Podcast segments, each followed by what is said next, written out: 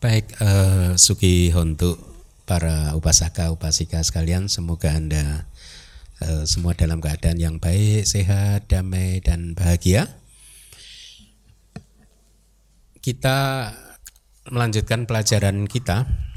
Hari ini adalah kelas yang kedua untuk Suta Asi Wiso Pamak Suta. Ya, minggu lalu kita sudah mengawalinya ya di kelas yang pertama uh, tanpa berpanjang lebar saya minta PIC untuk membaca sutanya terlebih dahulu.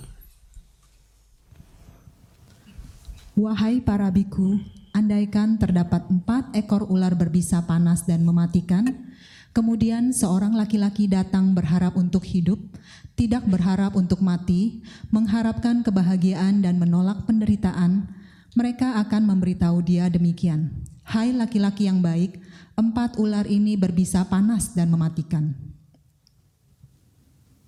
Mereka harus dikeluarkan dari waktu ke waktu, harus dimandikan dari waktu ke waktu, harus diberi makan dari waktu ke waktu, harus ditidurkan dari waktu ke waktu.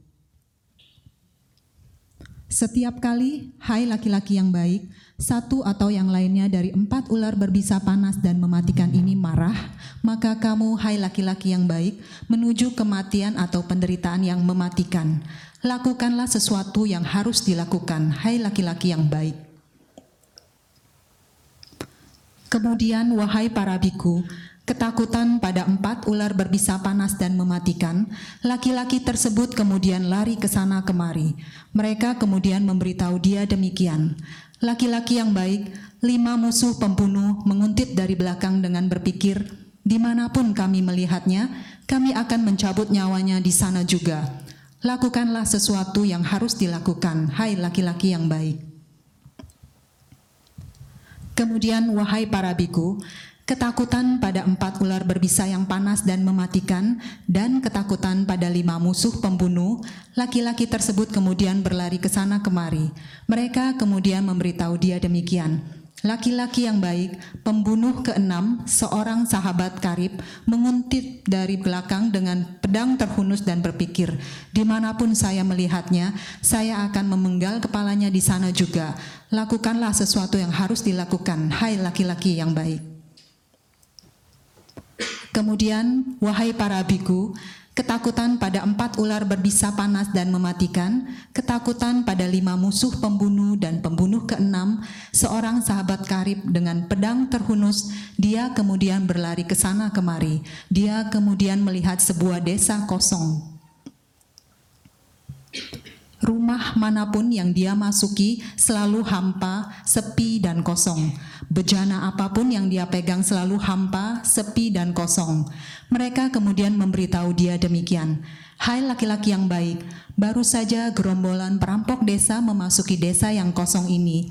Lakukanlah sesuatu yang harus dilakukan, hai laki-laki yang baik. Kemudian, wahai para biku, ketakutan pada empat ular berbisa panas dan mematikan, ketakutan pada lima musuh, pembunuh dan pembunuh keenam, seorang sahabat karib dengan pedang terhunus dan pada gerombolan perampok desa, dia kemudian berlari ke sana kemari.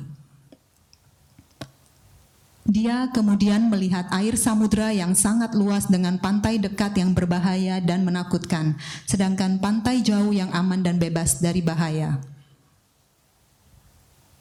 Akan tetapi, tidak memiliki perahu atau jembatan untuk penyeberangan dari pantai dekat menuju ke seberang. Kemudian, wahai para biku, laki-laki tersebut berpikir demikian. Air samudra yang sangat luas ini dengan pantai dekat berbahaya dan menakutkan. Pantai jauh yang aman dan bebas dari bahaya, akan tetapi tidak memiliki perahu atau jembatan untuk penyeberangan. Biarlah saya mengumpulkan rumput, ranting, dahan, dan daun-daunan, menggabungkannya menjadi sebuah rakit, sehingga dengan bergantung pada rakit tersebut, berusaha dengan tangan-tangan dan kaki-kaki saya akan pergi menuju ke pantai jauh. Kemudian, wahai para biku, Laki-laki tersebut mengumpulkan rumput, ranting, dahan, dan daun-daunan, menggabungkannya menjadi sebuah rakit, sehingga dengan bergantung pada rakit tersebut, berusaha dengan tangan-tangan dan kaki-kaki saya pergi menuju ke pantai jauh. Setelah menyeberang, setelah mencapai pantai jauh, Brahmana berdiri di atas tanah yang tinggi. Wahai para biku, perumpamaan ini telah aku buat untuk penyampaian satu makna, dan inilah maknanya di sini. Empat ular berbisa panas dan mematikan. Wahai para biku adalah istilah untuk empat unsur-unsur dasar yang besar: elemen tanah, elemen air, elemen api, dan elemen angin. Lima musuh pembunuh, wahai para biku, adalah istilah untuk lima kelompok yang menjadi objek pelekatan, yaitu agregat materi sebagai objek pelekatan, agregat perasaan sebagai objek pelekatan, agregat persepsi sebagai objek pelekatan, agregat formasi-formasi yang disertai kehendak sebagai objek pelekatan, dan agregat kesadaran sebagai objek pelekatan. Pembunuh keenam, seorang sahabat karib dengan pedang terhunus wahai para biku, adalah istilah untuk kesenangan dan nafsu. Sebuah desa kosong, wahai para biku, adalah istilah untuk enam landasan indriawi internal. Apabila wahai para biku, seorang yang bijaksana, berpengalaman dan pandai memeriksa, mereka berdasarkan mata terlihat hampa, sepi dan kosong, berdasarkan lidah, Apabila wahai para biku, seorang yang bijaksana, berpengalaman dan pandai memeriksa mereka berdasarkan batin, terlihat hampa, sepi dan kosong. Gerombolan perampok desa, wahai para biku, adalah istilah untuk enam landasan indriawi eksternal. Mata, wahai para biku, diserang oleh objek-objek bentuk yang menyenangkan dan tidak menyenangkan. Telinga, wahai para biku, diserang oleh objek-objek bentuk yang menyenangkan dan tidak menyenangkan. Hidung, wahai para biku, lidah, wahai para biku, tubuh, wahai para biku, batin, wahai para biku, diserang oleh objek-objek yang menyenangkan dan tidak menyenangkan. Air samudra yang sangat luas, wahai para biku, adalah istilah untuk empat banjir. Banjir kenikmatan indriawi, banjir eksistensi, banjir pandangan salah, dan banjir ketidaktahuan. Pantai dekat yang berbahaya dan menakutkan, wahai para biku, adalah istilah untuk identitas diri. Pantai jauh yang aman dan bebas dari bahaya, wahai para biku, adalah istilah untuk nibbana. Rakit, wahai para biku, adalah istilah untuk jalan mulia berunsur delapan, yaitu pandangan benar, konsentrasi benar.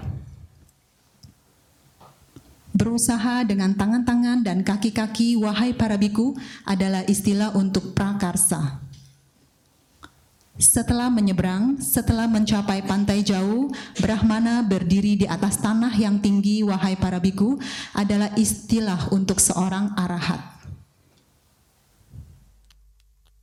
Baik, terima kasih. Itu tadi adalah sutanya. Eh, saya harap Anda sudah mulai mendapat gambaran tentang alur dari suta ini ya. Eh, apa? Minggu lalu sudah dijelaskan bahwa empat ular itu adalah perumpamaan untuk empat elemen. Sebenarnya istilah aslinya itu bahasa palinya Cataru Maha Buta. Maha Buta, Maha itu besar kan? Anda kita kita mengenal kata ini kan? Besar Buta, BHU itu panjang TA. Itu unsur-unsur dasar, unsur-unsur pembentuk dasar. Jadi sebenarnya empat unsur-unsur dasar. Tapi memang isinya adalah empat jenis elemen, yaitu apa? Elemen tanah, elemen air, api, dan angin. Nah, jadi ketika berbicara tentang dengan menggunakan perumpamaan ular, Buddha sedang mengajarkan kepada kita untuk memahami bahwa sesungguhnya tubuh jasmani ini ya yang dibentuk oleh empat unsur-unsur dasar itu ternyata sangat berbahaya ya kalau nanti Anda ikuti sampai penjelasan dari kitab komentar yang di eh, bagian A sampai akhir, Anda akan mengerti bahwa tubuh jasmani ini kita tidak bisa menolong apa-apa.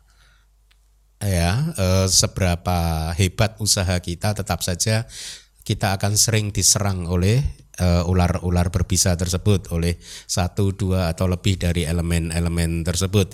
Nah minggu lalu kita juga saya sudah memperkenalkan kepada anda tentang empat jenis pugala apa itu individu masih ingat nggak apa saja individunya? Yang di belakang ingat nggak empat pugala apa? Uh, kalau kira-kira saya jawab saja pertanyaan saya sendiri boleh nggak? Hah? Jadi boleh nggak pertanyaan saya saya jawab sendiri? Boleh Anda ikhlas?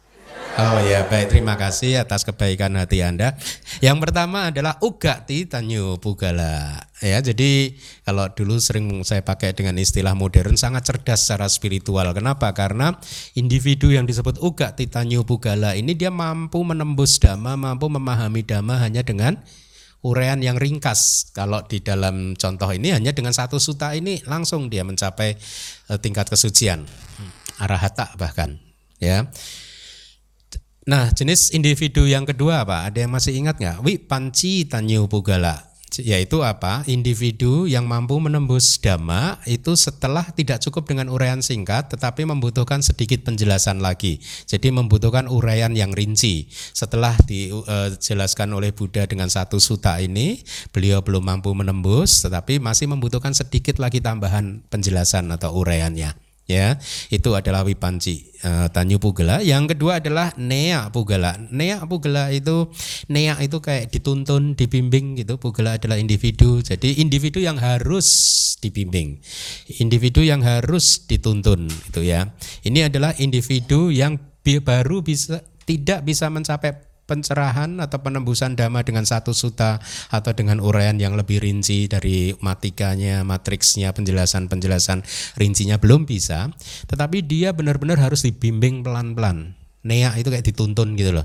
Jadi nggak bisa jalan sendiri, dia harus dipopong, dituntun, ditarik pelan-pelan, digandeng, ya e, dengan sangat pelan-pelan sekali. Individu yang seperti ini bisa mencapai pencerahan, tetapi dia harus berteman dengan orang yang baik, ya kalian namita, berasosiasi dengan kalian namita teman yang baik, ya. Kemudian mengaplikasikan Yuniso Manasikara dan seterusnya. Minggu lalu sudah dijelaskan. Jadi syarat mempunyai kalian namita itu syarat mutlak ya. Sebagus apa pun parami Anda ya walaupun seharusnya Anda bisa jadi Buddha pun katakanlah paraminya udah hebat. Kalau Anda tidak bergaul dengan Kalyanamita ya maka belum tentu uh, parami Anda itu akan berbuah ya. Jadi kita tetap mutlak harus punya teman yang baik. Saya rasa ini di dalam kehidupan sehari-hari juga begitu dalam bisnis, bekerja Anda membutuhkan teman yang baik. Kalau Anda bergaul dengan teman yang tidak baik, maka keruntuhanlah yang akan menghadang begitu. Contoh yang bagus adalah Ajata satu. Ya, Raja Ajata satu itu dikatakan oleh Buddha sesungguhnya beliau mempunyai parami yang cukup untuk menjadi seorang sotapana waktu itu. Tapi alih-alih jadi sotapana karena bergaul dengan orang yang salah dia jadi soto karena ada di neraka kan kepanasan kan jadi soto panas malah Nah, eh, yang keempat, individu yang keempat adalah pada perama. Pada itu kata-kata gitu ya. Perama itu tertinggi. Jadi buat individu seperti ini hasil tertinggi yang bisa didapat ya kata-kata saja itu. Ya dia hanya bisa meng menghafal, memahami suta, tetapi tidak bisa mendapatkan e, pencapaian meditatif kayak jana, maga, pala. Itu tidak bisa, tetapi apa yang dia pelajari di dalam kehidupan tersebut akan menjadi ingatan buat dia di kehidupan berikutnya yang akan kalau dia lahir dengan kesempatan yang bagus ya dengan dengan kesadaran penyambung kelahiran kembali atau karma masa lalunya yang menghasilkan kelahiran kembali itu cukup kuat maka dia bisa mencapai pencerahan ya. Nah anda juga masih ingat apa nama empat ekor ular? Yang pertama kata muka. Kata itu apa balok kayu. Jadi muka itu mulut, mulutnya itu seperti balok kayu begitu. Ya, kata muka. Yang kedua adalah Putih muka, mulutnya apa? Busuk. Kemudian yang ketiga apa? Aki muka, mulutnya seperti api. Kemudian yang keempat satha, yaitu seperti pedang. Ya, itu empat ekor ular. Tapi minggu lalu juga sudah diurai lagi bahwa berdasarkan kecepatan bisanya masing-masing ular itu terpecah lagi dibedakan menjadi empat, yaitu apa? Uh, ular yang uh, korbannya terkena racun melalui gigitannya. Ada juga hanya dipandang aja udah terkena racunnya gitu. Ini hanya hanya cerita perumpamaan begitu ya. Atau terkena racun dengan cara disentuh gitu. Yang ketiga, kemudian yang keempat adalah dengan melalui anginnya seseorang akan terkena racunnya. Jadi dari empat ular yang utama tadi yang bermulut seperti balok kayu, bermulut uh, busuk dan seterusnya, masing-masing dibagi empat lagi berarti kita mendapatkan enam 16 ular ya itu yang sudah dipelajari minggu lalu. Kita minggu lalu udah sampai 64 belum sih? Belum ya? Belum ya. Oke, jadi baru 16. Oh ya, yang sekarang kita hari ini masih mengurai tentang uh, variasi dari empat ular berbisa. Berdasarkan Pugalak Panati ini kitab ya kitab Abhidhamma harusnya ini terdapat 64 ular. Bagaimana cara mendapatkan 64-nya itu itu maksudnya.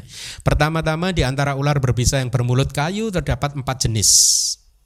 Ya, jadi kembali dibagi lagi menjadi empat ya. Dari yang bermulut kayu terdapat eh, empat jenis. Ya, yang pertama adalah ular yang berbisa dengan melalui digigit. Oh, bukannya sudah ini. Oh, bukan.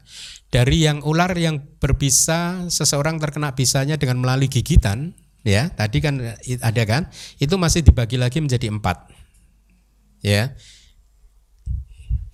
Jadi katak muka, saya saya jelaskan dulu, katak muka yang bermulut seperti balok kayu itu kan tadi dibagi empat, yaitu berdasar kecepatan bisanya. Ada yang hanya kena bisa dengan digigit, dilihat dan seterusnya kan.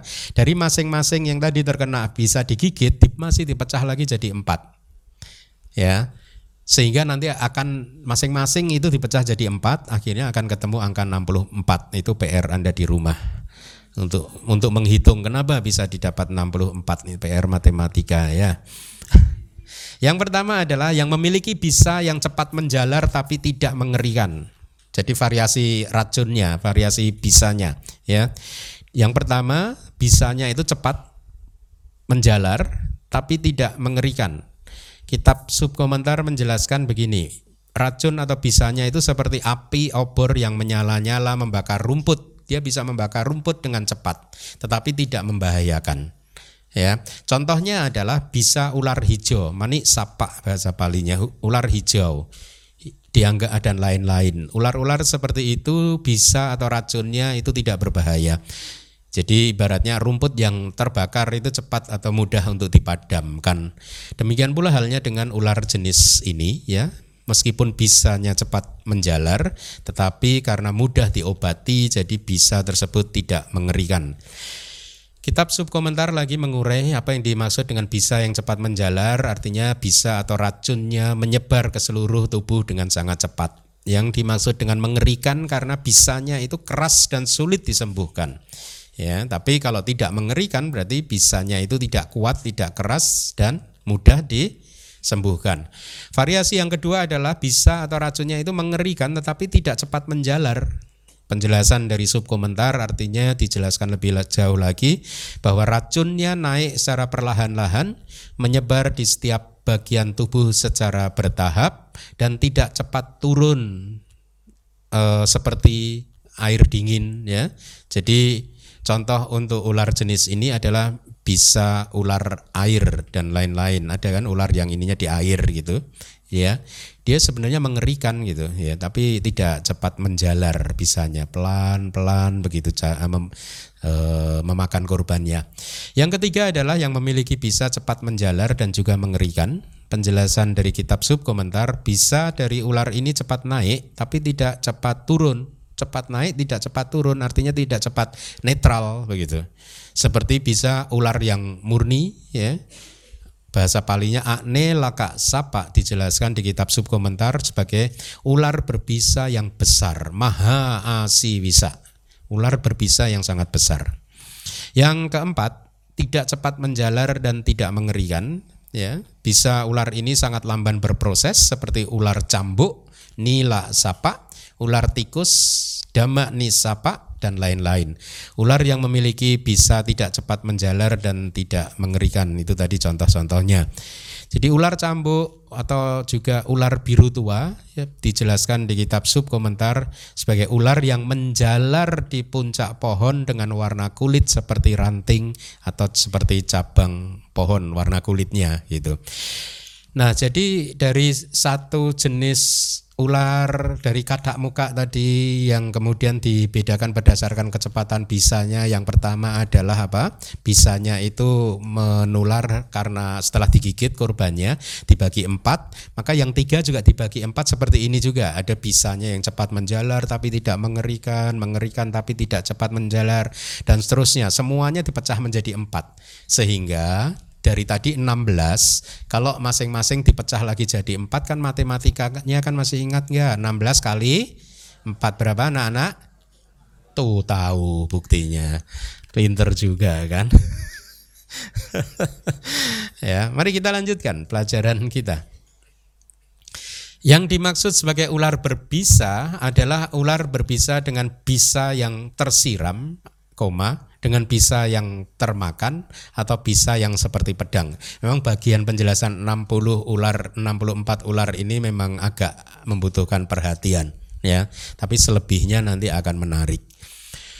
Jadi ular berbisa dijelaskan menjadi ke dalam tiga ular yang berbeda yang bisanya tersiram, termakan dan juga seperti pedang gitu. Bisa yang tersiram itu dijelaskan bahwa bisanya dari ular tersebut, racun dari ular tersebut tersimpan seolah-olah menyirami seluruh tubuh mereka. Artinya adalah siraman racun atau bisa di dalam tubuh sendiri dan orang lain-lain. Jadi orang lain. Jadi ketika seseorang terkena gigitan ular ini bisa ini kayak tersiram begitu, menyebar langsung ke seluruh tubuh. Itu maksudnya. Bisa yang termakan itu penjelasannya adalah apa pun yang dimakan oleh orang yang terkena ini berubah jadi racun. Ada nggak sih yang gitu? Hmm, Bu dokter yang tahu nih. Eh enggak lah ya, bukan dokter ya, yang ahli binatang. jadi apa pun yang dimakan oleh korbannya jadi racun. Bisa yang seperti pedang, itu seperti pedang bisa atau racun mereka mampu melakukan pemotongan titik vital makhluk lain dengan tajam.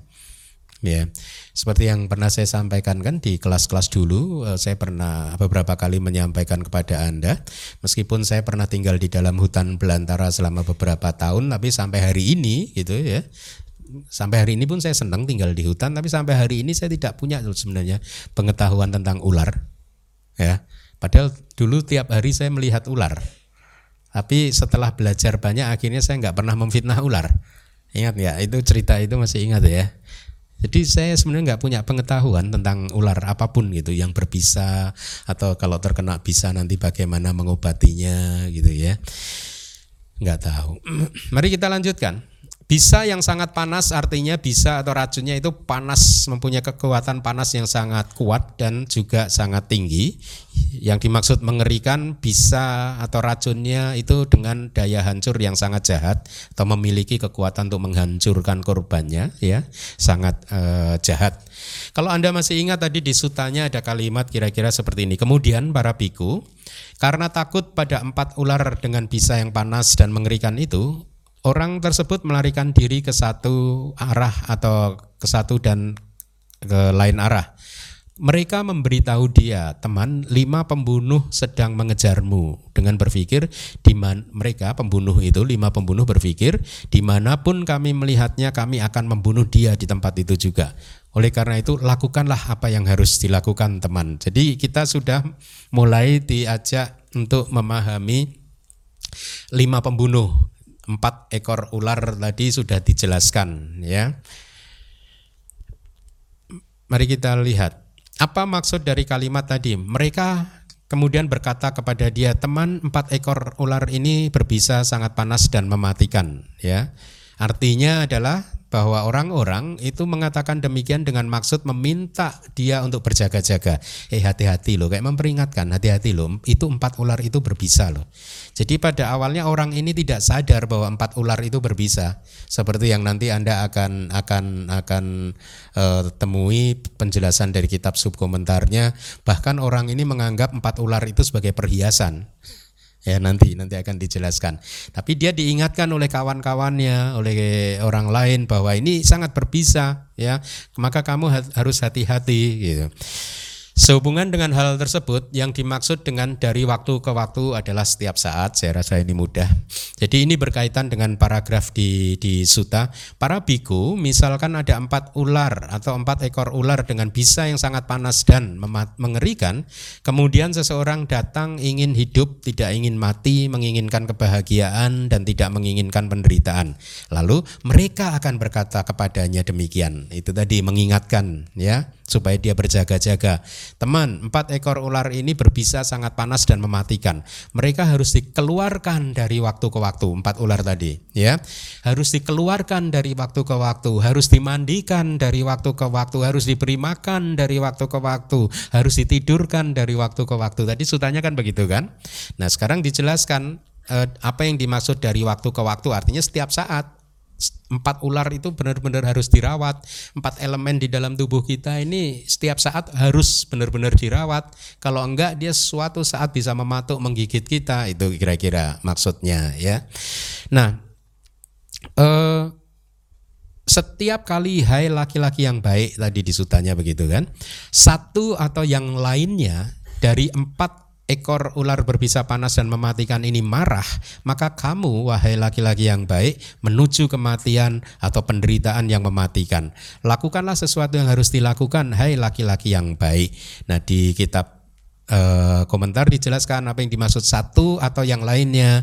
Artinya adalah ular yang mana pun di antara ular berbisa yang bermulut balok, kayu, dan lain-lain dan lain-lain itu berarti apa? Putik muka, bermulut busuk, agi muka, bermulut api dan bermulut pedang ya. Jadi empat ini benar-benar harus dirawat dengan baik itu ya. Karena eh, dia kalau marah maka kamu akan mati. Kayak ini kayak orang sakit gitu. Begitu kita sakit parah ya sudah. Saya pernah waktu itu membaca bukunya Janjah ada seorang biku yang sangat kemudian menjadi biku yang sangat terkenal sakit parah masuk ke rumah sakit. Udah dia dia menceritakan kondisi dia udah kayak hidup mati gitu. Udah udah. Dan dia sangat berharap guru besar Ajancah berkunjung kepada dia untuk menghibur dia untuk menenangkan dia. Setelah itu harapannya terpenuhi. Ajancah berkunjung ke rumah sakitnya. Setelah melihat dia udah seneng kan melihat Ajancah kan dia bercerita, oh begitu melihat wajah Ajanca itu di ini saya langsung damai, senang, bahagia begitu. Tapi sayangnya hanya sesaat karena kedamaian, kebahagiaan itu berhenti ketika Ajanca mengeluarkan kata-kata. Apa kata-kata yang keluar dari Ajanca? Dia bilang, hei Biku, hanya ada dua kemungkinan nih kayaknya buat kamu kalau nggak hidup ya mati.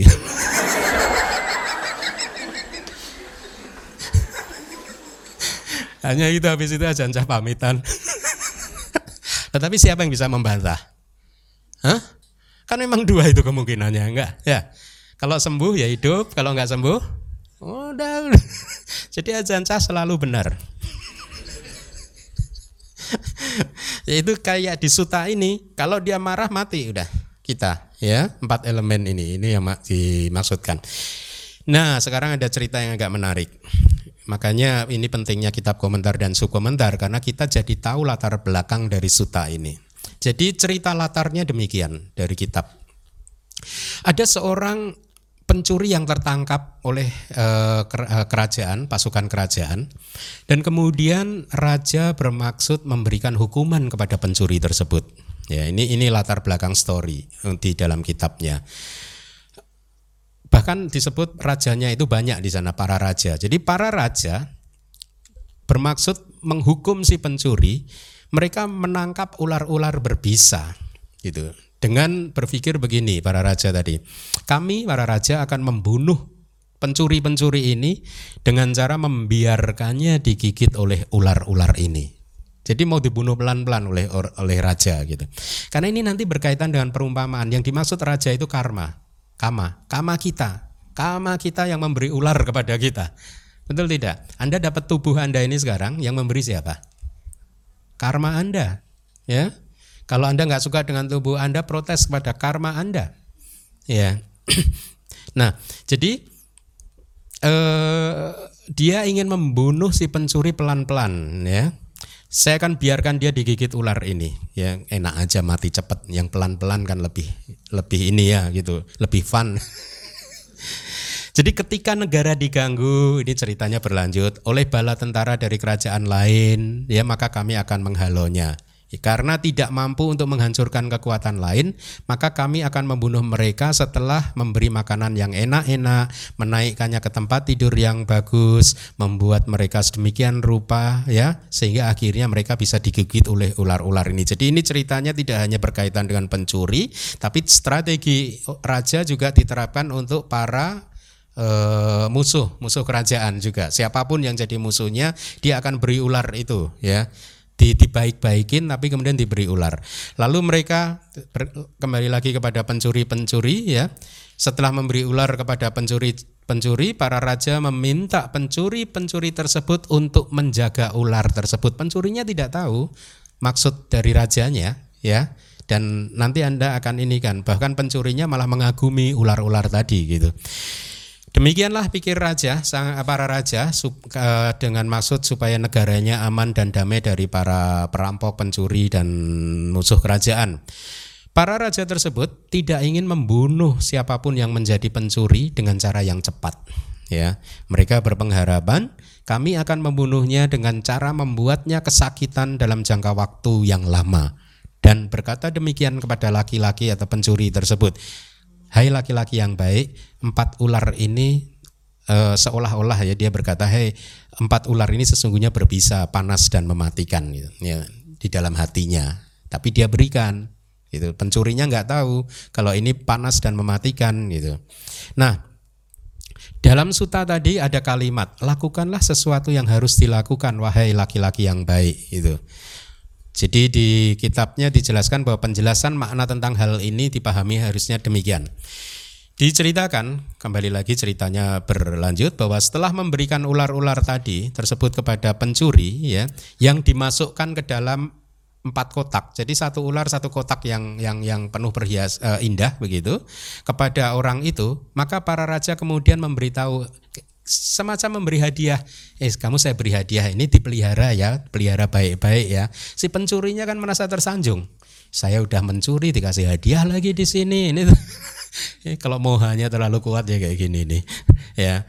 Kemudian eh, setelah memberi ular-ular tadi, para raja pergi. Ya.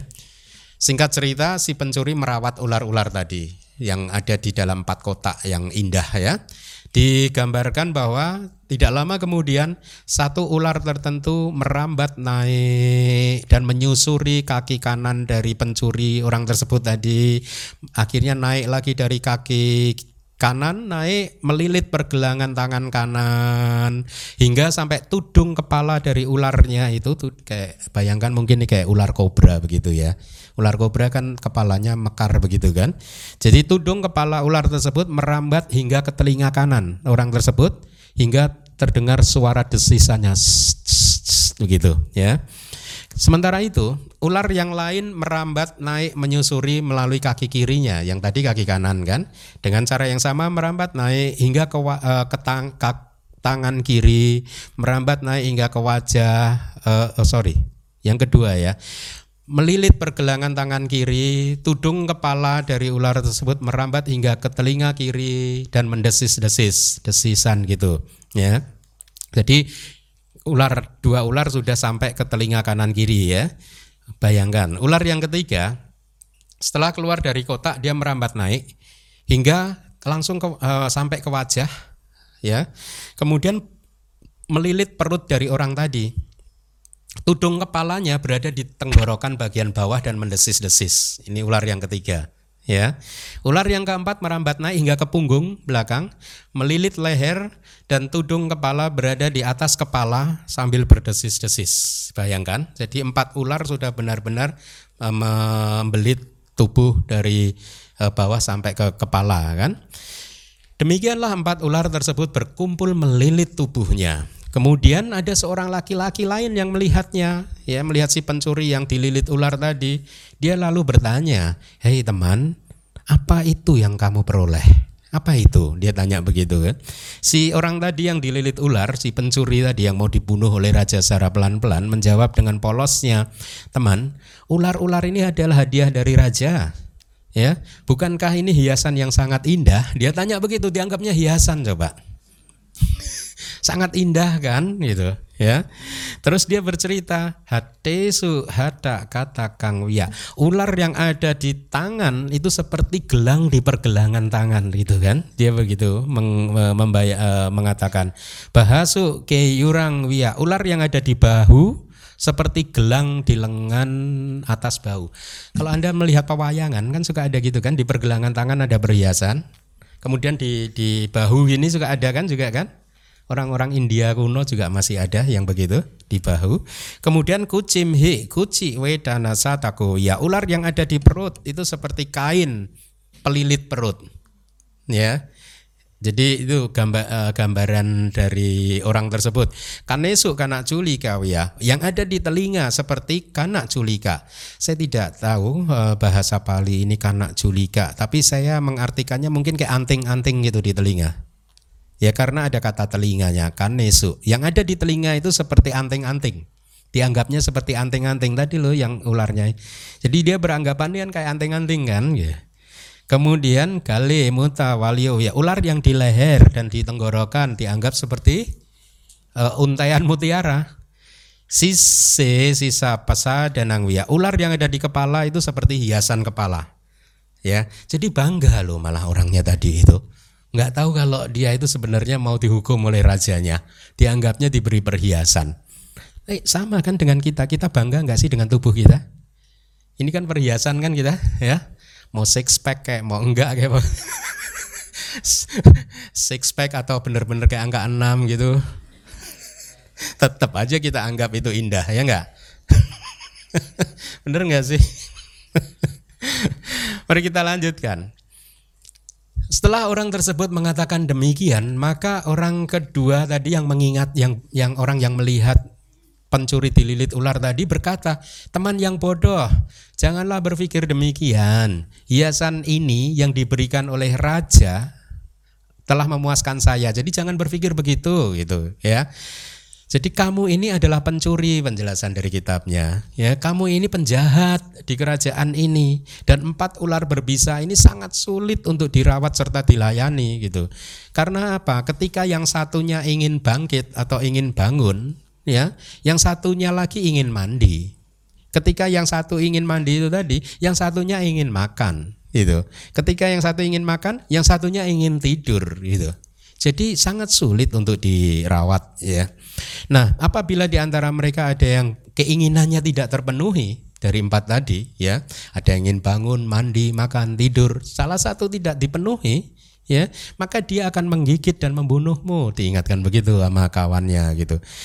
Selanjutnya teman, apabila demikian halnya si pencurinya bertanya, adakah jalan keluar lalu untuk keselamatan saya? Sebenarnya dia agak ragu ini si temannya ini benar nggak sih? Dia masih berpikiran ini perhiasan dari raja. Itu. Tapi walaupun demikian dia berkata, lalu bagaimana ini baiknya? Masih ada jalan keluar nggak untuk keselamatan saya? Dijawab tentu saja ada, ya. Disarankan oleh orang yang melihatnya tadi, ketika para pembantu raja sedang lengah, maka berlarilah untuk keselamatan diri kamu sendiri gitu. Demikianlah penjelasan untuk kalimat di suta tadi. Lakukanlah apa yang harus dilakukan teman. Itu artinya apa? Ketika pembantu raja sedang lengah, maka berlarilah untuk keselamatanmu. Gitu. Selanjutnya di slide ada kalimat setelah mendengarkan nasihat dia dan melihat ada momen kelengahan dari empat ular berbisa dan pelayan raja yang sedang menyendiri, ya. Jadi dia melihat ularnya sedang lengah, pelayan raja juga sedang menyendiri, sedang sendirian begitu ya. Secara perlahan-lahan dia melepaskan lilitan ular di tangan kanan dengan tangan kiri, menempatkan tudung kepala ular yang ada di anting telinga kanan, melepaskan mereka dengan lembut seperti seolah sedang mengusap tubuh ular yang sedang tertidur. Dengan cara seperti itu, dia melepaskan ular-ular sisanya dan akhirnya melarikan diri dari mereka dengan ketakutan ya dari ular-ular tadi melarikan diri dari ular dengan ketakutan ini adalah penjelasan di, di dari kalimat di suta. Kemudian para biku karena takut pada empat ular tadi di sutanya begitu kan, dengan bisa yang sangat panas dan mengerikan itu, maka orang itu melarikan diri ke satu atau lain arah. Ya, itu kira-kira. Nah, kemudian ketika orang tersebut lari, di, dijelaskan lagi, ular-ular tadi masih mengejar juga. Ya, dikejar dia, mendekati orang tersebut yang dia itu sebenarnya masih ragu si orang tadi masih berpikir dijelaskan bahwa ini ular ular tersebut diberikan sebagai pengawal saya loh sesungguhnya oleh raja untuk dia. Jadi waktu dia lari dikejar ular dia masih berpikir positif ini. Ini mungkin positif ya nggak negatif mind Oh, berarti ular ini sebenarnya mau mengawal saya, menjadi pengawal saya, mengikuti saya terus gitu ya. Nah, Penjelasan tadi itu disampaikan berkaitan dengan kalimat di suta begini. Kemudian wahai para biku, ketakutan pada empat ular berbisa panas dan mematikan, laki-laki tersebut kemudian lari ke sana kemari. Kira-kira begitu ya. Nah, kita lanjutkan. Ketika laki-laki tersebut sedang berlari sambil terus-menerus memandang ke arah jalan yang ada di hadapannya, raja kemudian mendengar suara. Hei laki-laki itu melarikan diri, si pencuri melarikan diri gitu. Mendengar suara yang demikian raja menyelidiki. Kemudian dia berkata dalam hati, tidak adakah orang yang mengejar dan berteriak untuk membunuhnya gitu, ya. Kemudian raja memanggil lima orang. Setelah mendapatkan lima orang laki-laki, kemudian raja memerintahkan, pergilah dan kejar dan bunuh dia. Lima laki-laki, ya. Kemudian orang-orang lain yang kasihan dengan si pencuri yang melarikan diri tadi, setelah mengetahui kejadiannya bahwa dia dikejar oleh lima pembunuh, memberitahu dia si pencuri bahwa ada lima orang yang mengejar kamu loh. Itu.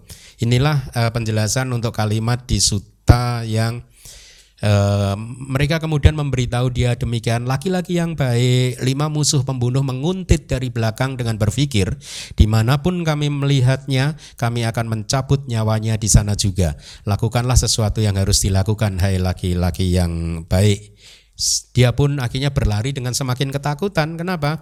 Sudah dikejar empat ekor ular, dikejar lima laki-laki pembunuh lagi, gitu. Semakin ketakutan. Kemudian disutanya berlanjut, Wahai para biku, ketakutan pada empat ular berbisa panas dan mematikan dan ketakutan pada lima musuh pembunuh. Laki-laki tersebut kemudian berlari ke sana kemari. Mereka kemudian memberitahu dia demikian, laki-laki yang baik, pembunuh keenam. Ini nasibnya emang nggak berakhir-berakhir ini. Pembu sebenarnya ini kayak kita loh sebenarnya kita. Kita itu penderitaannya tanpa akhir. Baru lolos satu ada pembunuh kelima. lolos dari lima pembunuh ada pembunuh ke enamnya kita ini ini sebenarnya sedang menceritakan kita. Kok Buddha tahu ya? Kalau umat DPS begini ya Ya, mereka kemudian memberitahu demikian, laki-laki yang baik pembunuh keenam, seorang sahabat karib, menguntit dari belakang dengan pedang terhunus dan berpikir, di mana pun saya melihatnya, saya akan memenggal kepalanya di sana juga. Oleh karena itu, lakukanlah segala sesuatu yang bisa dilakukan, wahai laki-laki yang baik. Jadi yang dimaksud dengan pembunuh keenam adalah seorang sahabat karib. Ya, atau seorang sahabat karib adalah gini, penjelasannya begini, para menteri berkata, menteri raja berkata, yang pertama dengan berkaitan dengan ular-ular berbisa di sana sini dan dia dengan mengelabui mereka masih bisa lolos berlari ya. Sekarang berkaitan dengan lima musuh dia juga semakin berlari kencang.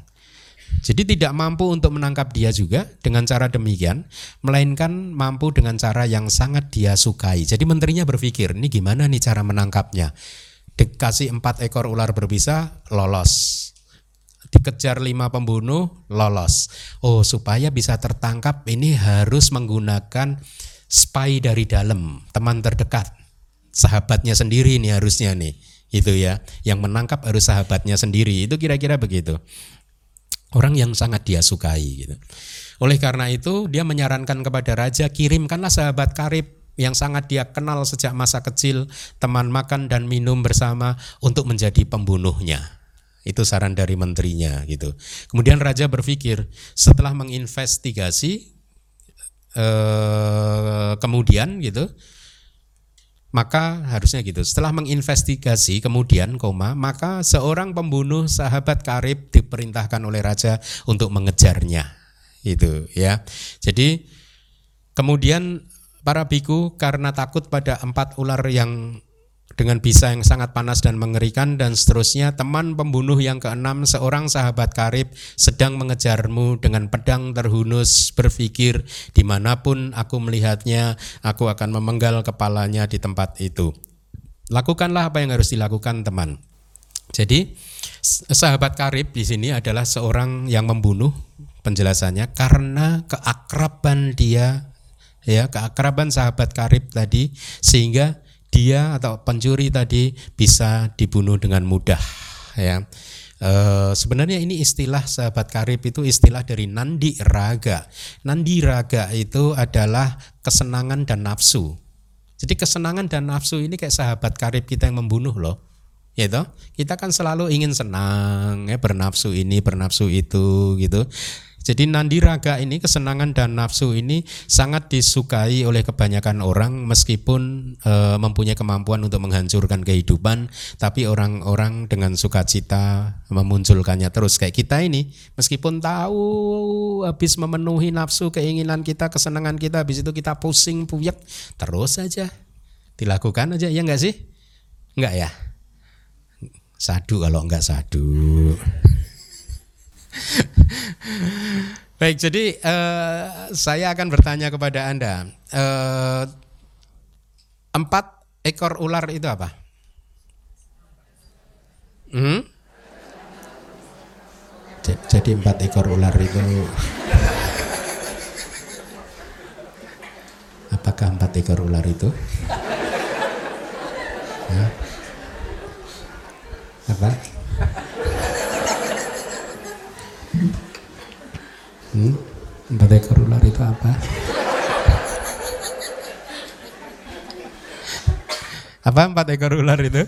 Empat unsur-unsur dasar elemen tanah, air, api, dan angin. Kemudian lima pembunuh? Pancu padana kanda ya. Lima agregat yang menjadi objek pelekatan sahabat karib. Yang keenam, Ya, uh, Nandi Raga. Mari kita lanjutkan sedikit lagi. 4 5 6 sudah ketemu kan ya, ya. Nah, kemudian dia akan berlari tadi si si si pencuri tadi sehingga akhirnya dia melihat sebuah desa kosong, ya. Setelah lolos dari empat ular berbisa, uh, setelah lolos maka empat ular berbisa, lima pembunuh dan pembunuh keenam yang merupakan sahabat karib terus mendekat dengan sangat cepat, ya uh, sembari memandang ke sana kemari mereka ini yang mengejar tadi ya. Mengendus-endus jejak kaki dari orang tadi pencuri tadi. Setelah melihat dia dan mendekat mereka berkata teman berhentilah. Jangan lari. Kamu akan hidup bahagia, menikmati kenikmatan-kenikmatan indriawi bersama dengan anak dan istri. Jadi si sahabat karib tadi me, apa, mencoba mena, memberitahu dia, ya jangan lari gitu karena kamu akan bahagia menikmati kenikmatan-kenikmatan indriawi bersama dengan anak dan istri gitu. Jadi ini adalah penjelasan dari kalimat di uh, Suta bahwa kemudian wahai para biku, ketakutan pada empat ular berbisa panas dan mematikan, ketakutan pada lima musuh pembunuh dan pembunuh yang keenam seorang sahabat karib dengan pedang terhunus, dia kemudian berlari ke sana kemari. Setelah itu dia kemudian melihat sebuah desa kosong. Nah, penjelasan dari kitab komentarnya seperti itu. Jadi ternyata sahabat karibnya membujuk Jangan khawatir, jangan lari lah gitu ya kamu akan hidup bahagia kok menikmati kenikmatan-kenikmatan indriawi bersama dengan anak dan istri. Mendengar yang demikian tadi, dia malah semakin berlari kencang ke sana kemari hingga dia tiba di pintu gerbang kerajaan dan melihat satu desa kosong yang memiliki enam gubuk, enam kuti, enam gubuk, enam rumah, rumah apa ya, gubuk, ya. Dia melihat desa kosong, di dalam desa itu ada enam rumah kecil, gubuk, gitu. Tapi rumah mana pun yang dia masuki selalu hampa. Artinya apa? Rumah yang dia masuki itu kosong karena tidak ada tidak ada harta palawija. Anda tahu nggak palawija? Tahu ya. Dan juga padi, tempat tidur serta perabot dan lain-lain. Jadi rumahnya itu kosong semua, nggak ada apa-apa. Ini sebenarnya nanti akan dijelaskan perumpamaan tentang enam landasan indriawi internal. Jadi sunyata kan kekosongan kan? Enam landasan indriawi kita ini landasan indriawi mata, telinga, hidung, lidah, tubuh dan batin itu sebenarnya kosong. Ya. Jadi ini bagus sekali perumpamaannya. Kemudian sepi dan kosong ini hanyalah sinonim untuk yang sebelumnya. Jadi hampa, sepi, kosong itu hanya sinonim. Di sutanya kan disebutkan, rumah mana pun yang dia masuki selalu hampa, sepi dan kosong, bejana apa pun yang dia pegang selalu hampa, sepi dan kosong. Mereka kemudian memberitahu dia demikian, "Hai laki-laki yang baik, baru saja ya, gerombolan perampok perampok desa memasuki desa yang kosong ini." Lakukanlah sesuatu yang harus dilakukan hai laki-laki yang baik. Jadi nggak ada akhirnya memang. Baru saja melepas kepenatan melihat rumah kosong udah ada lagi perampok desa ya. Dikejar. Nah penjelasannya Bejana apa pun yang dia pegang selalu hampa, sepi, dan kosong. Dijelaskan sebagai setelah orang tadi masuk ke dalam gubuk, dia mengambil dan membuka bejana dengan tangannya, dengan pikiran, apabila ada air maka aku akan minum, apabila ada makanan aku akan makan.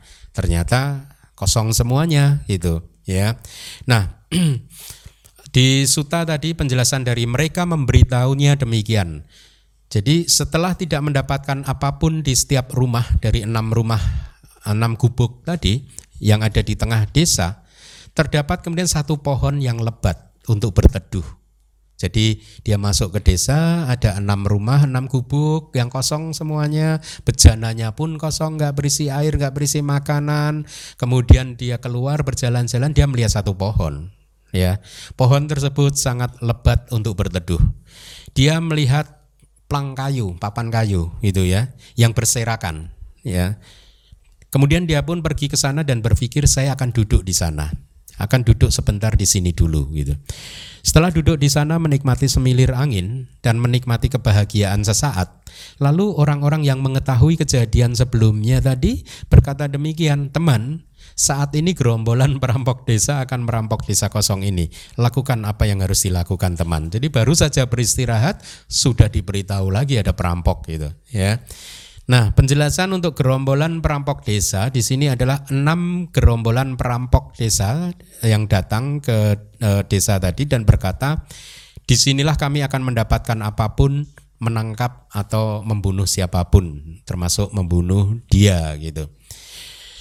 Di sutanya kemudian berlanjut, kemudian wahai para biku, ketakutan pada empat ular berbisa panas mematikan, pada lima pembunuh, pembunuh keenam seorang sahabat karib dan seterusnya.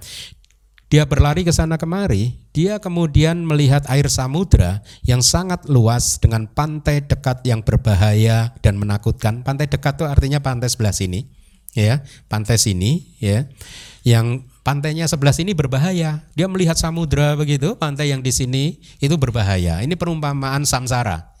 Pantai sebelah sini ini perumpamaan, perumpamaan untuk samsara.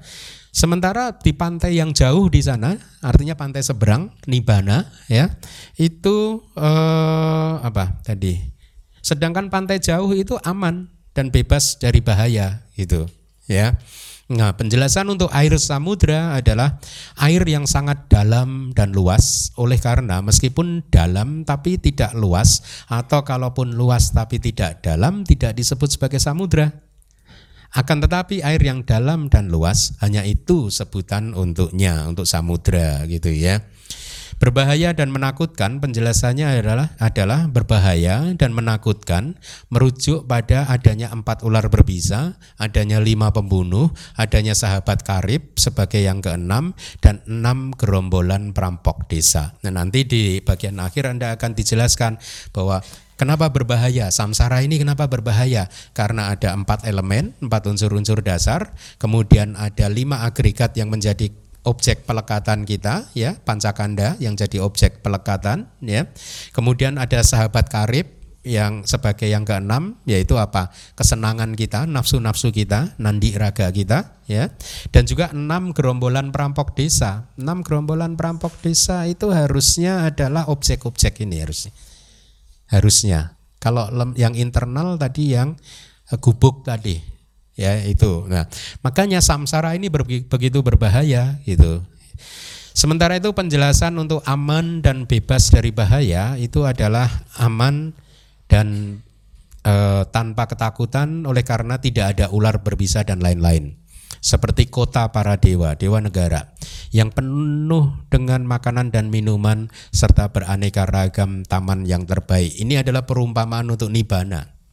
Jadi pantai sebelah sini adalah samsara, ada samudra luas yang harus diseberangi untuk sampai ke pantai di seberang yang aman, tentram, damai yaitu nibbana. Tapi untuk bisa sampai ke sana kita harus menyeberang. Jadi ini perumpamaan kita. Kita masih berada di pantai yang dekat.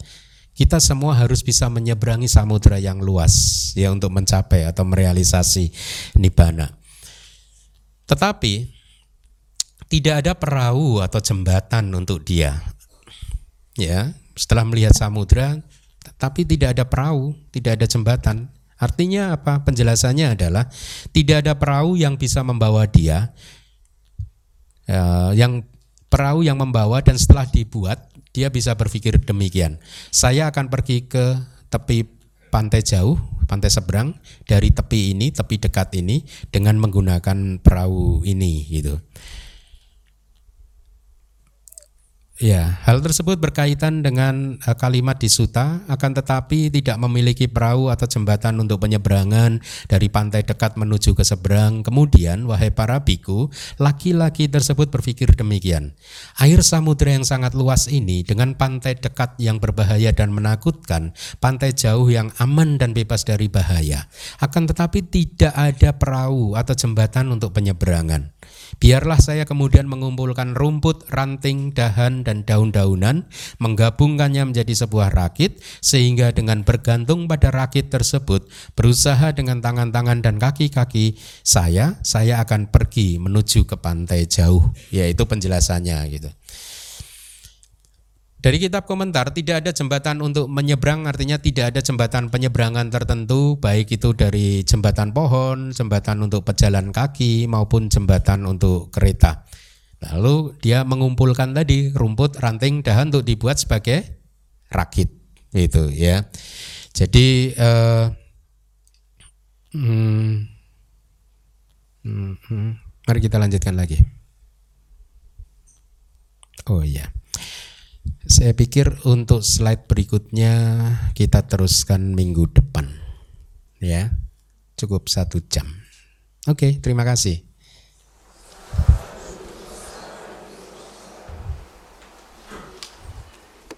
Oke, oke, oke. Tadi kalau yang terkait yang Ugati Tanyu sama Wipanci Tanyu di Pancawagia itu, uh, bukannya untuk pencapaian itu arahat. tidak harus sampai arahat ya? Enggak sih, menembus enggak ada sih spesifikasinya sih. Jadi harus uh, penembusan dhamma. Jadi dhamma abisamayaknya kayaknya tidak ada spesifikasi harus sampai arahat sih. Karena kan setelah Dhamma Cakapawatana Sutta kan sebenarnya lima-limanya sudah masih dibimbing. So, uh, sotapana kan, Bante? Waktu Dhamma Caka hanya satu. Bukannya yang lainnya juga sudah sotapana saat setelah uh, Dhamma setelah. Setelah setelah Dhamma Caka Iya, tapi waktu Damacaka belum. Hanya hanya kondanya. Hanya, hanya kondanya. Makanya yang kan pertama, yang pertama. Makanya kan yang dikata si kondanyo uh, kondanya telah mengerti, kondanya telah mengerti gitu. Hanya kondanya saja. Jadi kalau di minggu lalu yang disebut dhamma abisamaya, penembusan dhamma, memang tidak ada spesifikasi harus sampai arahat. harus sampai arahat. Oke, tapi uh, maksudnya karena Anya Kondanyanya lebih cepat dibanding jadi dia dia mampu menembus dalam satu suta. Kalau yang lain kan harus dengan tambahan suta. Agak bingung Bante. Soalnya Jadi setelah Dhamma Cakak Pawatana Suta itu yang jadi sotapana hanyalah Anya Kondanya. Setelah berhenti, terus Buddha menjelaskan menuntun yang lain lagi untuk jadi sotapana dengan penjelasan yang tidak terekam. Itu tidak dengan Dhamma Cakak Pawatana Suta. Ya, setelah itu baru uh, Anatalakana Suta. Oh, Jadi bukan langsung gitu ya Bante. Setelah langsung. Dhamma Cakak Pawatana Suta langsung anataka, anatalakana sutta? Enggak sih ada ada bimbingan lebih setelah kayak ini tadi bisa di setelah satu suta nggak cukup masih diulas dengan sedikit lagi dengan uraian gitu Wipansi Tanyu. Wipansi Tanyu kan definisinya tadi apa? Oh, kemarin ya minggu lalu ya. Satu suta tidak cukup dia harus dijelaskan lagi. Uh, referensinya di bagian akhir dari Dhammacakka Pawatana Sutta Buddha hanya eks, uh, ber, mengeluarkan kata uh, kata-kata kondanya telah mengetahui, kondanya telah mengetahui. Kondanya bukan kondanya. Kalau kondanya nanti perempuan. kondanya telah mengetahui, kondanya telah mengetahui. Jadi hanya kondanya. Habis itu selesai sutanya.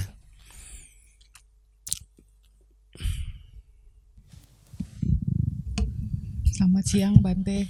Uh, terima kasih Dhamma Desanaya Bante. Bante saya mau nanya kan dulu pernah dibilang kalau saya tidak salah ingat sotapana itu belum tentu dia menyadari sudah sotapana ya Bante. Itu satu. Terus kedua kan dia mungkin bisa masih bisa terlahir uh, tujuh kali atau delapan kali. Kalau dia nggak tahu gimana dia berjalan menuju sana Bante maksudnya uh, nanti bisa bisa jatuh lagi Bante. Terima kasih Bante. Kalau kalau apa yang terakhir tadi kalimatnya? Kalau dia nggak tahu dia udah di jalan itu gimana dia bisa menjaga diri dia di jalan itu Bante? yang terakhir dulu, yang terakhir dulu saya jawab. Segala bentuk kejahatan pelanggaran sila itu terjadi karena adanya kilesa yang kasar. Ya, seorang sotapana sudah menghancurkan semua kilesa yang kasar Definisi dari kasar di sini adalah apabila berbuah bisa memunculkan kelahiran di empat apa ya itu semua sudah dihancurkan. Sehingga karena sudah tidak punya kilesa, dia sadar atau tidak sadar, tetap saja dia tidak bisa melanggar Pancasila. Karena daya dorongnya udah hilang. Kilesa yang untuk bisa melanggar melakukan pelanggaran sila udah hilang. Jadi sotapana nggak nggak nggak akan bisa. Jadi kalau dikatakan bahwa seorang sotapana tidak bisa melanggar Pancasila itu mohon dipahami bukan karena pengendalian diri dia yang kuat loh. Semata-mata karena kilesanya udah nggak ada, jadi dia nggak bisa melanggar, nggak bisa melanggar. Hal yang sama juga harus dipahami pada saat seseorang mencapai tingkat kesucian anagami.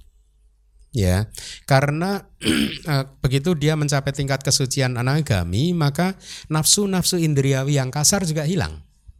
Sehingga makanya anagami tidak bisa menikmati kehidupan berumah tangga. Untuk misalkan eh, kalau ada teman anda kemarin saya wipasana jadi anagami. Oh sadu anda gitu kan. Terus ini sekalian bulan depan saya mau menikah. Udah pasti anagami kok menikah udah pasti nggak bisa. Tapi kalau seorang yang tadinya sudah menikah berwipasana kemudian jadi sotapana ya masih bisa hidup dalam rumah tangga. Tetapi dia sudah tidak bisa berumah tangga seperti kebanyakan lagi. Itu banyak cerita-cerita di Myanmar seperti itu. Jadi seorang suami berwipasana pulang jadi anagami. Yang puyeng istrinya tuh. enggak lah istrinya enggak. ya akhirnya setelah pulang dia berubah, kehidupannya berubah. Makin positif, tetapi dia sudah tidak bisa menjalani kehidupan berumah tangga seperti sebelumnya lagi. Saya tidak akan tidak bermaksud menteror Anda loh. Waduh kalau gitu repot dong ikut Pak Baja. Ya kalau suami atau istri Anda ikut Pak Baja diberitahu Pak, ntar kalau udah sakadagami berhenti ya. Jangan sampai anak kami please.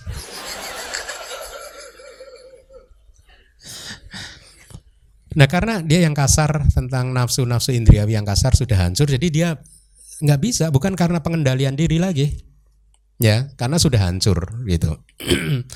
nah itu tadi yang terakhir. Yang kedua tadi apa? Sotapana, apa tadi tujuh kali kelahiran. Kalau dia nggak tahu, pada awalnya saya selalu berkeyakinan bahwa seorang sot, seorang yang mencapai tingkat kesucian itu pasti tahu akan pencapaiannya. Ya, kenapa? Karena yang muncul itu adalah maga nyana, pala nyana. Artinya apa? Pengetahuan jalan, pengetahuan buah. Ada pengetahuan di sana. ya.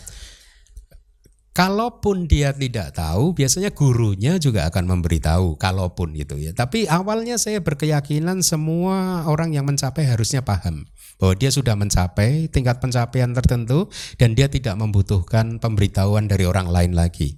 Tetapi saya menemukan satu suta, Mahanama Suta, satu itu saja yang saya temukan, yang lainnya enggak. Di situ diceritakan bahwa Mahanama ini sesungguhnya di kehidupan lampaunya adalah Sotapana dan kemudian di lahir ini dia lupa, dia enggak tahu kalau dia Sotapana. Jadi kalau yang begini mungkin karena pencapaiannya udah melewati satu kehidupan dari kehidupan lampau ke kehidupan sekarang, mungkin dia lupa. Tapi kalau di dalam kehidupan yang sama gitu, eh, seharusnya menurut saya dia pasti tahu. Jadi bukannya tidak tahu. Kalau tidak tahu berarti pencerahan apa sih kok nggak tahu? Kamu udah tercerahkan nggak tahu? itu ya. Uh, tapi apa pun ya kita kita anggap kemungkinannya itu ada bahwa dia mencapai tingkat kesucian sotapana dan dia tidak tahu. Lalu pertanyaan Anda tadi kan lalu bagaimana dia bisa apa tadi? Lalu bagaimana dia bisa menjaga diri gitu ya? Iya, ya itu kayak tadi penjelasan saya tadi. Udah nggak butuh diberitahu. Kilesanya yang kasar udah udah udah hancur, jadi dia akan selalu menjaga dirinya sendiri. Bukan karena pengendalian diri, karena daya dorong yang membuat seseorang melanggar udah nggak ada lagi. Begitu terjawab? Ya, benar apa yang Anda katakan seorang sotapana mempunyai tujuh kali kelahiran lagi maksimal ya maksimal. Atau kalimat lain di suta biasanya diberi kalimat buat seorang sotapana baginya tidak ada kehidupan yang kedelapan. Itu. Tapi artinya seorang sotapana bisa saja dia lahir sekali lagi saja. Ya atau anda atau seseorang pada umur 30 menjadi seorang sotapana kemudian mungkin dia lima tahun 10 tahun tidak melanjutkan latihannya. Pada saat umur 40 tahun dia melanjutkan latihannya langsung jadi sakadagami anagami arahat. Ya udah nggak lahir lagi. Itu ya ya. Menjawab? Oke. Okay. terima kasih. Bante uh, saya mau tanya. Dalam kehidupan uh, zaman Sang Buddha banyak murid Sang Buddha mencapai uh, pencerahan dengan satu suta. Nah, mm, dengan kehidupan kita sekarang ini, di mana Sang Buddha sudah tidak ada dan kita, apakah benar Bante uh, bisa mencapai sotapana hanya dengan uh, wipasana? Gitu. Misalnya kita uh, tidak memahami suta.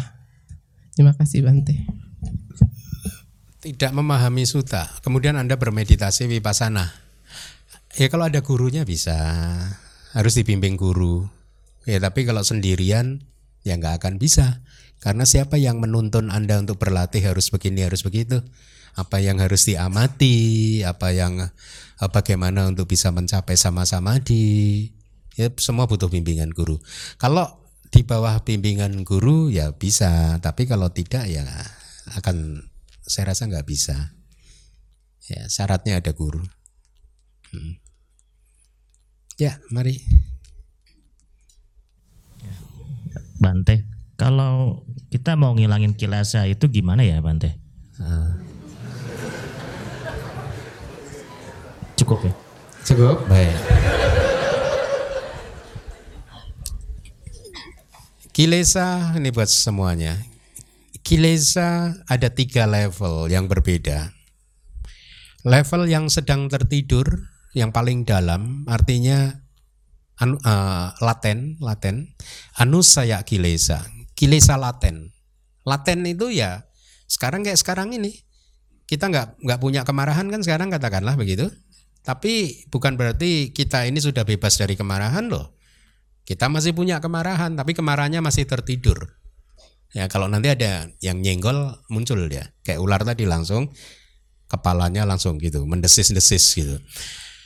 Nah itu anu saya kilesa. Level yang kedua adalah kilesa yang berkecamuk di arus kesadaran kita, di arus pikiran kita. Kayak misalkan seseorang jengkel atas perlakuan yang dia terima uh, dari temannya, kemudian sampai ke sampai di rumah dia masih teringat dengan perlakuan buruk tadi, pikirannya berkecamuk, muter-muter jengkel, dendam.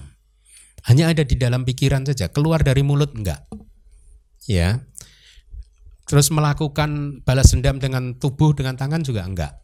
Dia jengkel, dia dendam katakanlah kepada seseorang tapi hanya ada di pikirannya saja. Itu kilesa yang sudah berkecamuk, udah bangkit di arus pikiran e, hati kita. Kilesa yang ketiga yang paling kasar. Jadi ini tadi sesuai dengan urutan dari halus menuju ke yang paling kasar. Yang paling kasar adalah witikama kilesa.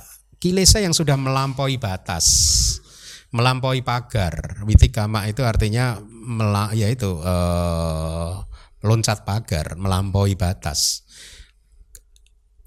Dengan kata lain, ini kilesa yang melakukan pelanggaran, pelanggaran sila, ya. Kayak tadi misalkan seorang yang tadinya benci, dendam hanya ada di pikiran dia, tapi setelah itu tiba-tiba dia bertemu dengan orang yang dibenci tadi dan dia tidak bisa mengendalikan, akhirnya keluarlah kata-kata kasar dari mulutnya. Ya, jadi inilah witikama kilesa, eh, pelanggaran, pelanggaran sila. Jadi Anda harus pahami dulu tiga jenis kilesa ini. Kilesa yang paling lembut itu adalah kilesa yang tertidur, ya. Saat ini banyak kilesa kita pingsan tertidur. Kemudian kilesa yang tengah setengah lembut, setengah kasar adalah kilesa yang pariutana. Pariutana, utana itu bangun, pari itu menyeluruh, bangun total. Tapi bangunnya hanya ada di batin saja. Ada di pikiran saja. Anda memiliki nafsu-nafsu tertentu terhadap barang atau apa pun gitu, tapi Anda hanya membayangkan saja gitu. Bernafsu tapi hanya ada di pikiran saja. Tidak ada pelanggaran apa-apa gitu. Ya. Nah, yang ketiga adalah uh, apa tadi? pelanggaran uh, yang sudah melampaui batas kilesanya sedemikian kuatnya sehingga dia tidak bisa menahan diri. Akhirnya kilesanya itu lewat pagar melewati pagar lompat pagar pagar mulut atau pagar tubuh. Ya makanya ada yang disebut kama lisan kama ucapan dan juga kama tubuh. Ya toh? Kama lisan itu apa? Sorry berbohong berkata-kata kasar memfitnah bergunjing bergosip omong kosong ya. Kama tubuh itu seperti apa? Membunuh kemudian mencuri berzina ya uh, ya itu karma tubuh. Nah, dari tiga jenis kilesa tadi itu cara penanganannya berbeda-beda. Ya, kilesa yang kasar itu harus ditundukkan, ditundukkan ya, bukan dihancurkan. Ya, karena selama yang anu saya kilesanya masih ada, maka kilesa yang kasar akan bisa sewaktu-waktu muncul. Jadi kilesa yang bersifat pelanggaran bisa ditundukkan dengan latihan moralitas, latihan akhlak latihan sila kita, Pancasila kita. Kenapa Anda harus melatih lima sila? Karena Anda harus menundukkan kilesa yang paling kasar tadi, yang keluar lewat mulut, lewat tangan dan lain sebagainya. Ya. Tapi Anda harus pahami bahwa sila-sila Anda, sila-sila kita itu hanya membersihkan karma tubuh dan karma ucapan saja. Hmm? Melembutkan karma tubuh dan karma ucapan saja, tapi karma mental nggak bisa. Ya, oleh karena itu kilesa yang hanya yang bangkit di pikiran kita yang bersifat hanya mental saja tadi tidak bisa ditundukkan dengan sila. Ya, sila nggak pernah mampu untuk menundukkan pariyudana kilesa. Pariyudana kilesa hanya bisa ditundukkan oleh samadhi. Makanya ada latihan sila, samadhi, dan panya. Ini sebenarnya kan masing-masing kan adalah antidot untuk masing-masing kilesa. Sila adalah untuk mengobati kilesa yang paling kasar, samadhi adalah untuk mengobati atau menundukkan kilesa yang berkecamuk di dalam pikiran sehingga batin ini menjadi sangat tenang, damai, jernih, bisa melihat segala sesuatu dengan terang benderang. Tetapi walaupun seseorang sudah mencapai samadhi, walaupun kilesa yang berkecamuk di dalam pikiran sudah berhasil dibuat tidur, dibuat pingsan, tetapi par, uh, anusaya kilesanya kan belum. Itulah mengapa anusaya kilesa, kilesa yang laten itu harus dan hanya bisa ditundukkan oleh panya, panya sika, latihan kebijaksanaan melalui wipasana.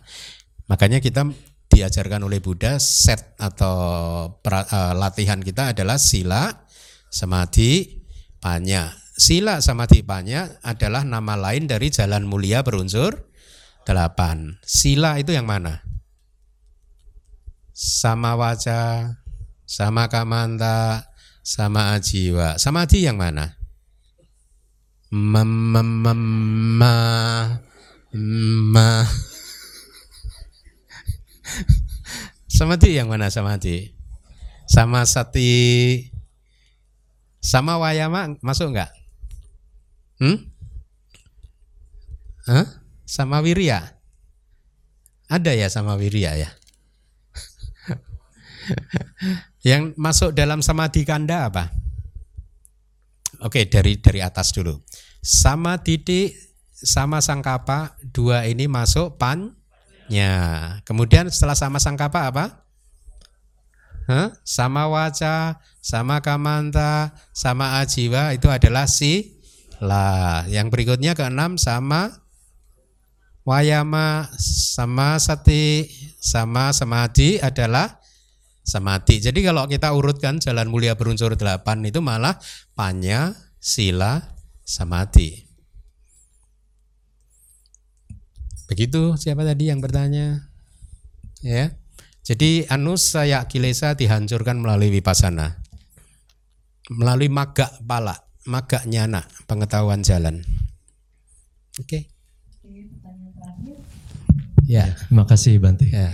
Uh, tadi kan di Dhamma Cakapawatata Sutta itu uh, maha kondanya uh, menembus Dhamma. Hmm. Uh, pada saat beliau mendengar Sutta dari Buddha itu, apakah beliau juga melakukan wipasana? Oh. Ataukah hanya sekedar mendengar saja langsung tembus gitu? Iya. Baik. Jadi kalau di kitab komentar dijelaskan bahwa beliau menembus itu tadi yang sudah saya sampaikan, api samaya, menembus dhamma.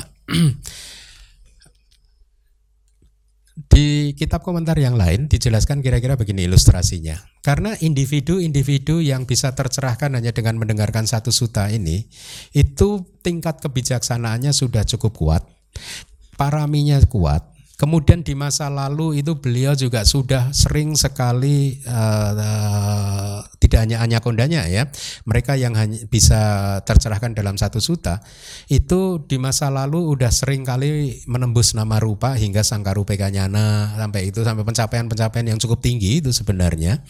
Kemudian juga uh, didukung oleh aspirasi-aspirasi tertentu gitu misalkan syarat-syarat ininya ya.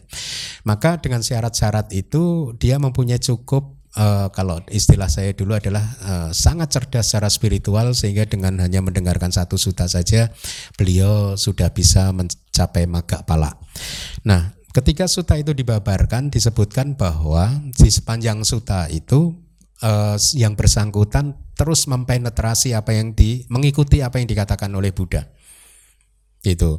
Tuwe me bikawe anta papa citena na sewi taba itu dia. Kan dhamma caka itu kan begitu. Wahai para biku dua ekstrim ini harusnya tidak dilakukan oleh papa cita eh, yo cayang kame suka masuk kali kanu yo sambil mendengarkan sambil di, di, di penetrasi diresapi ya. Nah kenapa bisa mencapai pencerahan? Karena tingkat kebijaksanaannya udah tinggi. Kenapa bisa tinggi? Karena syarat-syarat dari masa lalunya ada itu yang tadi saya sebutkan. Udah berkali-kali mencapai sangkarupekanya nah, paraminya tinggi sekali. Bahkan uh, banyak yang di masa lalu udah menguasai jana gitu ya. Jadi udah siap dia udah matang gitu. Begitu dijelaskannya di sepanjang suta beliau mendengarkan mengikuti kata-kata Buddha sambil kemudian langsung paham Istilahnya begitu. Kalau Buddha mengatakan dua mebi kawe anta pabaji tenana sewi wahai para piku. Dua ekstrim ini harusnya dihindari oleh seorang pabacita yaitu apa yo cayang kami suka masuk kali kanu yoga. Apa itu uh, hmm, masuk kali kan anu yoga. Selalu menyenangi praktek-praktek yang memuaskan nafsu-nafsu indriawi. Ya dia langsung mampu. Kemudian atak gila matanu yoga praktek untuk penyiksaan diri langsung paham. Karena kebijaksanaannya. Ya. Nah. Eh, minggu lalu hadir nggak? Nggak. Oh oke okay, oke okay, oke. Okay. saya akan ulang berarti. Minggu lalu sudah saya sampaikan seado-seado di Myanmar itu mengajarkan kepada kami bahwa dari empat jenis individu itu dua jenis individu yang pertama sudah habis stoknya. Ya. Jadi ya, di zaman sekarang ini secara tradisi ya sudah tidak ada lagi jenis makhluk yang bisa tercerahkan hanya mendengarkan suta. Itu yang uga titanyu. Yang jenis yang kedua wipanci tanyu makhluk yang tercerahkan dengan urean yang sedikit lebih jauh lagi juga sudah habis. Yang ada, Seado-Seado mengajarkan kepada kita adalah dua jenis individu yang terakhir, yaitu yang Nea Pugala dan pada Parama Pugala. Jadi kita ini paling tinggi yang tersedia adalah yang Nea Pugala. Nah, Nea Pugala ini adalah orang yang harus berlatih keras. Berlatih keras bermeditasi kayak kemarin Anda Pak Baja 10 hari kan cukup berlatih keras kan dari jam 4 4.30 sampai jam 10 malam berlatih terus begitu. Kira-kira begitu. Bisa 10 hari, 10 minggu, 10 bulan, 10 tahun. Ya. Ada yang berhasil, ada yang enggak. Kalau sudah dicoba keras enggak berhasil ya mungkin pada parama. enggak apa-apa. Nah, begini, saya sering mendapatkan kesan begini bahwa banyak umat ataupun guru terlalu uh, memberi porsi menjelaskan parami masa lalu itu penting walaupun benar penting tetapi lupa menjelaskan bahwa di dalam kehidupan ini sekarang ini kita juga harus memupuk parami itu yang sering kali miss itu ya kita hanya bicara kenapa Anya Kondanya bisa mencapai sotapananya dengan Dhamma Cakak Pawatana Suta saja karena parami-paraminya dulu ini. Tapi kemudian lupa menjelaskan supaya kita bisa jadi kayak beliau maka di kehidupan yang sekarang kita harus pupuk parami. Harus perbanyak perbuatan baik ya perkuat latihan sila kita. Dana sila nanti diperkuat. Nah ini yang sering kali miss. Nah, maksud saya sekarang saya sampaikan pesan ini kepada anda semua termasuk juga untuk saya bahwa di dalam kehidupan kita saat ini ada tugas penting yaitu apa? Menyempurnakan parami-parami kita. Ya setuju? Setuju. Sekarang apa itu parami? Apa parami? Hmm? ada yang tahu parami? Ada berapa parami Sebutkan.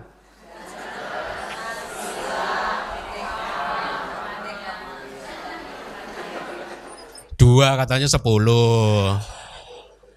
Gimana sih? Dua apa sepuluh? Apa saja?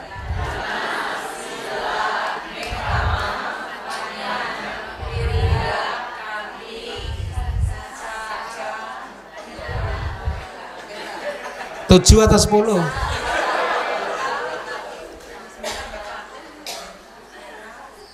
Ma, ma, ma, ma, ma. Sepuluh banti apa saja? Ma, ma, ma, ma, ma, ma, ma, ma, ma, ma, ma, ma. Sepuluh. Ini saya ajari. Singkatannya saya ajari. Dasine pawi. Lima kan? Enam. Dasine pawi. Da apa? Dana. Si apa? Ne apa? Nekama. Pa apa? Panya wi apa? Wirya, wik ada kanya. Wirya. Yang keenam apa? K, K, KH. Kanti. Yang keempat Samu. S A M U. S apa? Saca. A apa? Adidana. M apa? U apa? Itu sepuluh katanya tujuh. Ya ulangi lagi apa? Dana, sila, nekama, panya, wirya, kanti, saca, adidana, meta. Selesai. Apa singkatannya? Dasine pawi samu. Itu namanya jembatan keledai. Untuk menolong yang Enggak, enggak saya teruskan.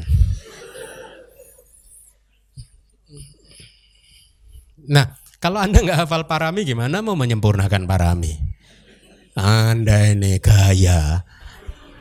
Ya Bante saya mau sempurnakan parami sadu. Apa sih parami? Apa ya? Lah terus yang mau Anda sempurnakan tuh Anda mau menyempurnakan apa lalu? Apal juga enggak. Di dalam hidup ini kita harus berbuat karma baik atau karma buruk? Apa saja karma baik? Coba apa saja karma baik? Huh? Ada berapa karma baik? Apa saja? Ma, ma, ma, ma, ma, ma, sepuluh. Lah katanya mau berbuat baik, karma baik nggak tahu gimana anda itu? Hah?